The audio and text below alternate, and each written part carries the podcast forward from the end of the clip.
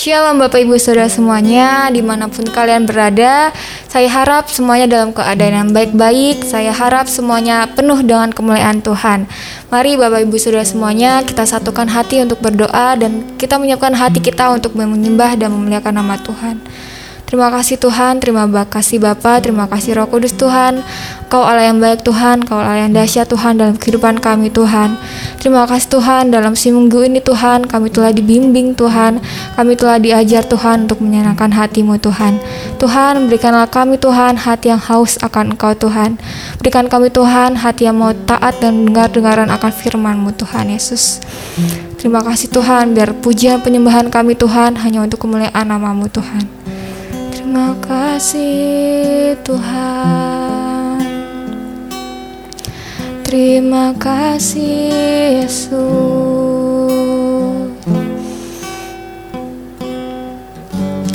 Rohmu yang hidup penuhiku Mengalir dalamku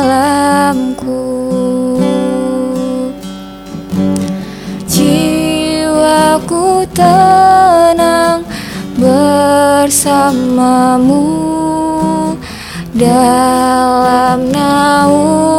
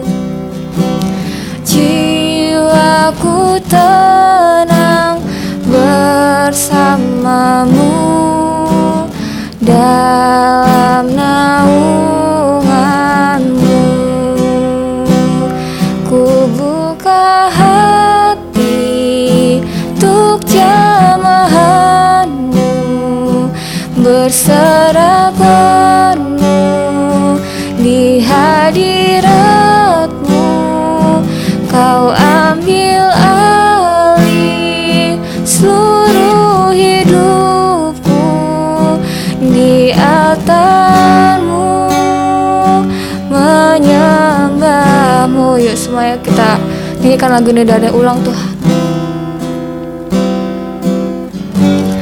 rohmu yang hidup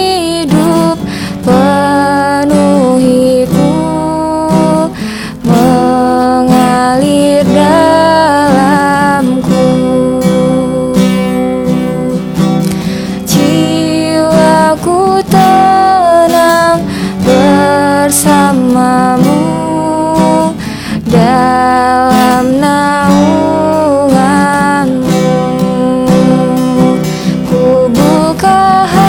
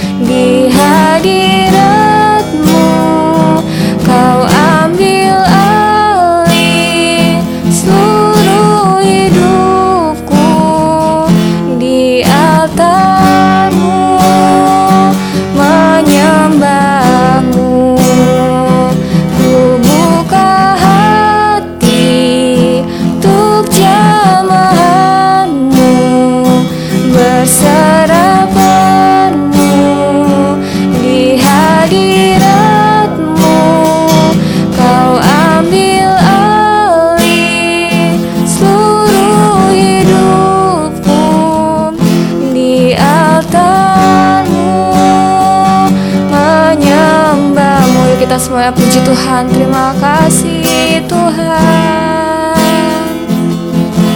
Kami memujimu Tuhan. Kami menyembahmu Yesus. Engkau Allah kami Tuhan.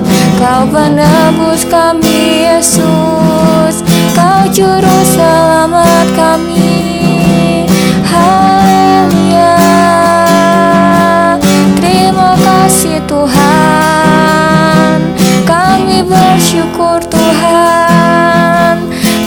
Tinggikan Engkau. Kami muliakan Engkau.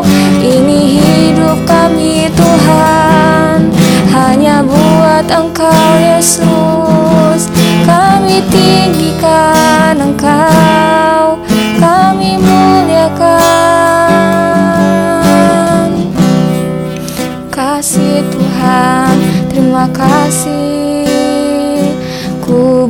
buka hati Untuk jamahanmu. Berserah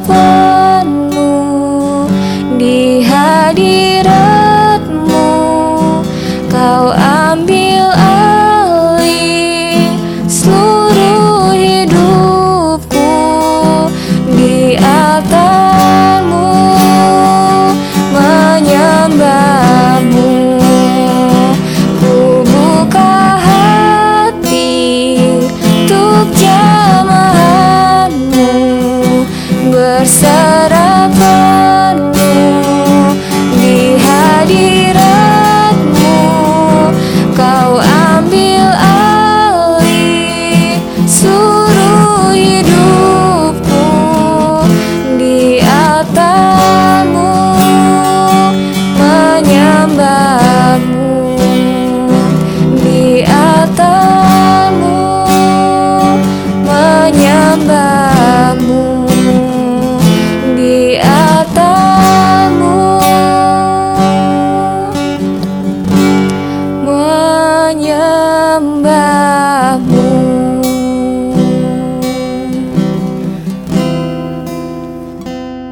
Shalom.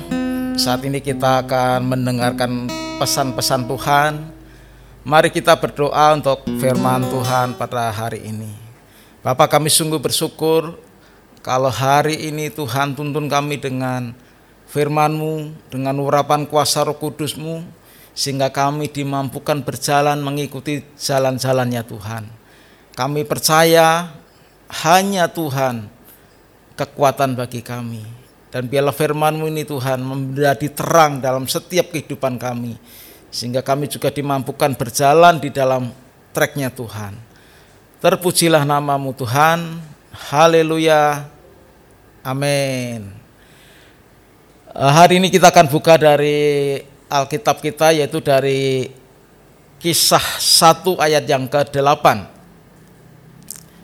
Tetapi kamu akan menerima kuasa kalau Roh Kudus turun ke atas kamu dan kamu akan menjadi saksiku di Yerusalem dan di seluruh Yudea dan Samaria sampai ke ujung-ujung bumi. Kita akan kembali ke ayat ini karena ini adalah masa-masa pencurahan Roh Kudus. Masa pencurahan Roh Kudus juga besar-besaran akan terjadi di era Pentakosta ketiga ini dan kita akan kembali kepada ayat ini karena ini ayat yang sangat luar biasa bahwa setiap kita akan menerima kuasa yang dari Tuhan. Kalau Roh Kudus turun atas setiap kita. Kita tahu dan kita sadari bahwa manusia itu terdiri dari tubuh, jiwa, dan roh. Dan di saat roh kita dijamah oleh kuasa Roh Kudus, maka saya percaya bahwa setiap kehidupan kita akan mengalami suatu perubahan yang sangat radikal. Di saat roh kita diubahkan, jiwa kita akan diubahkan, dan juga jasmani atau tubuh kita juga akan semakin sehat dan kuat. Dan perubahan ini yang akan membuat kita itu berbeda dari orang-orang yang lain. Orang lain boleh punya agama apa pun nama agamanya. Tapi yang membedakan dari setiap kita anak-anak Tuhan adalah kita mempunyai kuasa roh ya kudus yang dari Tuhan. Itu yang membedakan. Karena seperti firman Tuhan pada hari ini, Tetapi kamu akan menerima kuasa kalau Roh Kudus turun ke atas kamu. Menerima kuasa, kuasa untuk apa? Pertanyaannya. Yaitu kuasa untuk melakukan setiap kehendak Bapa yang pertama. Dan yang kedua, kuasa untuk menjalankan amanat agung Tuhan Yesus Kristus. Kehendak Bapa itu apa? Kita harus menjalankan perintah-perintah Tuhan. Kita misalnya nggak bisa mengasihi sesama, nggak bisa mengampuni orang-orang yang bersalah kepada kita. Kalau kita tidak dituntun oleh Roh Kudus, kita tidak akan sanggup meninggalkan gaya hidup yang lama tanpa tuntunan dari Roh Kudus. Dan yang kedua tadi kuasa untuk menjalankan amanat agung Tuhan Yesus Kristus. Kamu akan menjadi saksiku di Yerusalem, di seluruh Yudea dan Samaria. Kita bisa menyaksikan semuanya, bisa menjalankan amanat agung. Kalau di dalam hidup kita, pribadi kita, sudah mengalami perubahan yang radikal yang dari Tuhan. Karena orang akan melihat perubahan secara rohani, secara jasmani, dan juga secara jiwani dalam kehidupan kita. Itulah yang menjadikan kita sanggup menyaksikan kasih dan kebesaran Tuhan. Dan kita tidak akan sanggup melakukan itu tanpa tuntunan Roh Kudus. Kalau kita akan buka dari kitab 1 Samuel 10 ayat yang ke-6. Dikatakan maka roh Tuhan akan berkuasa atasmu dan engkau akan kepenuhan bersama-sama dengan mereka dan berubah menjadi manusia lain. Waktu Saul diurapi oleh Samuel untuk menjadi raja, dia mendapatkan kuasa roh Tuhan itu ada dalam Saul sehingga Saul berubah menjadi manusia lain. Ini yang membedakan. Kuasa roh Tuhan yang menjadikan Saul itu menjadi manusia lain. Menjadi manusia yang luar biasa. Yang diberikan kuasa yang dari surga untuk menjalankan pemerintahan sebagai raja. Karena tanpa kuasa Tuhan itu, Saul adalah manusia biasa dan dia tidak akan sanggup menjadi raja atau memimpin bangsa itu. Inilah pentingnya dari kuasa Tuhan. Sekarang kalau kita bandingkan dengan 1 Samuel 16 ayat yang ke-14. 1 Samuel 16 ayat 14 dikatakan, tetapi roh Tuhan telah mundur daripada Saul dan sekarang ia diganggu oleh roh jahat yang daripada Tuhan perbandingannya dari ayat yang pertama tadi bahwa Saul begitu diurapi mendapatkan kepenuhan roh yang dari Tuhan. Dia mempunyai kuasa sehingga menjadi manusia lain. Tetapi begitu roh itu mundur dari Saul, Saul kehidupannya diganggu oleh roh jahat.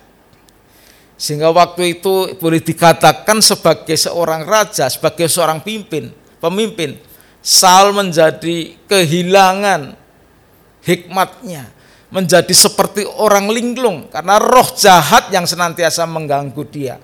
Sehingga dia menyuruh pasukannya untuk mencari seorang yang pandai bermain kecapi. Dan waktu itulah didapat yang namanya Daud. Dengan kecapinya Daud memuji menyembah Tuhan.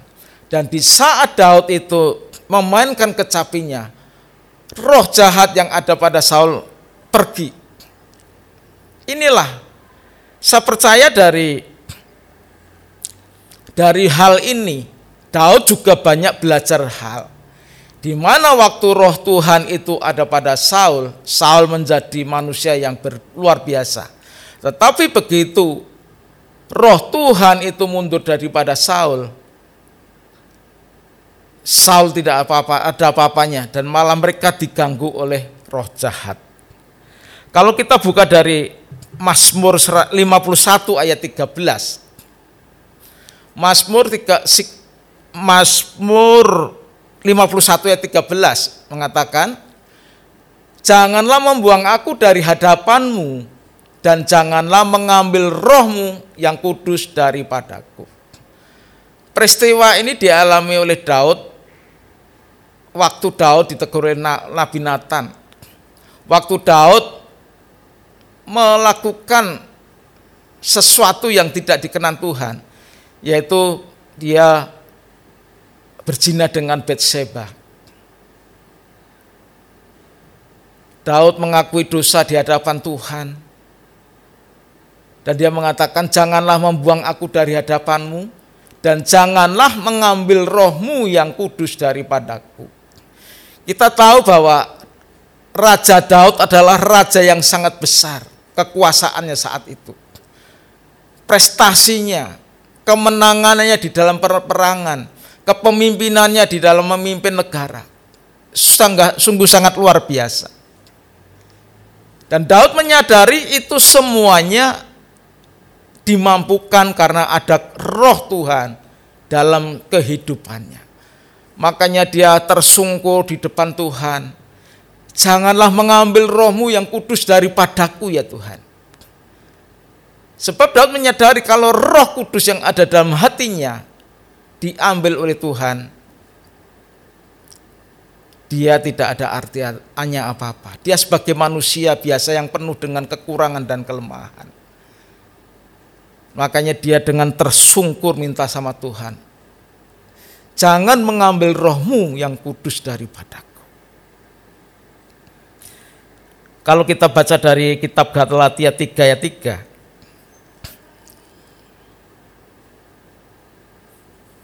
Adakah kamu sebodoh itu? Kamu telah memulai dengan roh. Maukah kamu sekarang mengakhirinya di dalam daging? Ini pesan yang sangat luar biasa. Kamu telah memulai dengan roh, Maukah kamu sekarang mengakhirinya di dalam daging? Jadi ini menjadi pelajaran bagi setiap kita. Apa yang telah kita mulai dengan roh, jangan diakhiri dengan daging. Nanti semuanya akan menjadi sia-sia. Dan saat ini bagi kita yang telah menerima kuasa roh kudus dalam kehidupan kita, ayo tetap pertahankan, tetap jaga supaya Roh Kudus itu senantiasa ada dalam hidup kita. Supaya Roh Kudus itu tetap menyala dalam hati kita. Sehingga kita menjadi mempunyai kuasa untuk melakukan kehendak Tuhan, untuk menjalankan perintah-perintah Tuhan, untuk melaksanakan amanat agung Tuhan Yesus Kristus. Dan saya yakin setiap kita hari ini meresponi apa yang disampaikan oleh gembala sidang kita bahwa di masa Pentakosta ketiga ini akan terjadi pencurahan Roh Kudus yang besar-besaran. Dan di saat Roh Kudus itu dicurahkan, kita sudah siap menerima api Roh Kudus lebih lagi dan lebih lagi. Sehingga kita sebagai anak Tuhan senantiasa siap dipakai Tuhan. Tapi ingat tadi bahwa apa yang telah dimulai dengan roh jangan diakhiri dengan daging.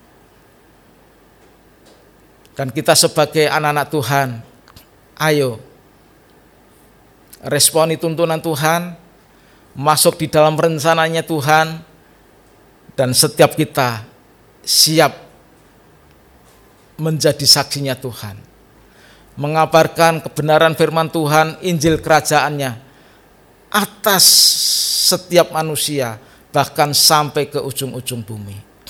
Mari kita berdoa untuk firman Tuhan hari ini. Bapak kami sungguh bersyukur. Inilah kami ya Tuhan. Kami sungguh bersyukur kalau Tuhan telah memenuhi kami dengan kuasa roh kudusmu ya Tuhan. Dan kami percaya tanpa kuasa roh kudusmu kami tidak sanggup ya Bapak. Dan biarlah Tuhan hari demi hari Tuhan kami ditambah-tambahkan hikmat kuasa yang dari Tuhan. Karena roh kudusmu yang senantiasa menyertai kami. Terima kasih kalau Tuhan telah beracara dalam acara Mairum hari ini ya Tuhan. Dan sebentar kami mau meninggalkan acara ini. Terimalah segala berkat, kasih karunia dan anugerah melimpah-limpah dari Allah Bapa di dalam anak yang tunggal Tuhan Yesus Kristus. Persekutuan yang indah, yang manis bersama Roh Kudus menyertai kita sekalian dari saat ini sampai selama-lamanya. Mari yang percaya dan diberkati sama-sama katakan amin. Terima kasih, sampai jumpa di dalam program berikutnya. Tuhan Yesus memberkati.